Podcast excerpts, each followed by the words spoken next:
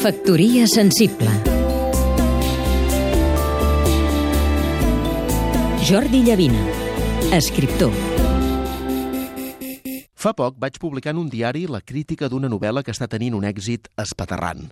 A mi la història no em va acabar de fer el pes i en el meu article vaig retreure l'autora determinats aspectes d'estil que em semblen com a mínim discutibles però vaig cometre un error en la referència a l'argument que no crec que invalidés la meva idea de la novel·la, però que sí que li llevava una mica de força.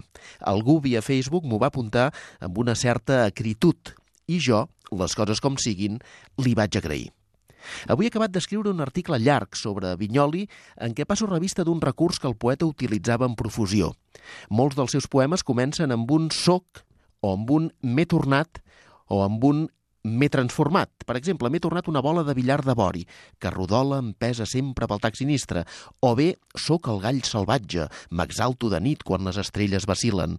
O encara, m'he transformat en flor plena d'insectes que se'n mengen de viu en viu.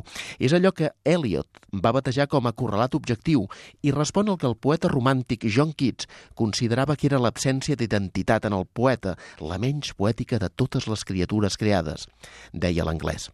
Aquesta vegada sí que l'he enviat a cinc amics abans de la publicació, que m'hi han fet remarques oportuníssimes. I penso, benvinguts els amics savis, i benvinguts al diàleg poètic, al debat intel·lectual, la controvèrsia filosòfica. No em fa pas l'efecte que es perdi tot això, però sí que em sembla que ens cal batllar-ho bé, perquè el més fàcil és publicar a la babalà i, com es diu col·loquialment, de tant en tant, ficar la gamba. Factoria sensible. Seguim-nos també a catradio.cat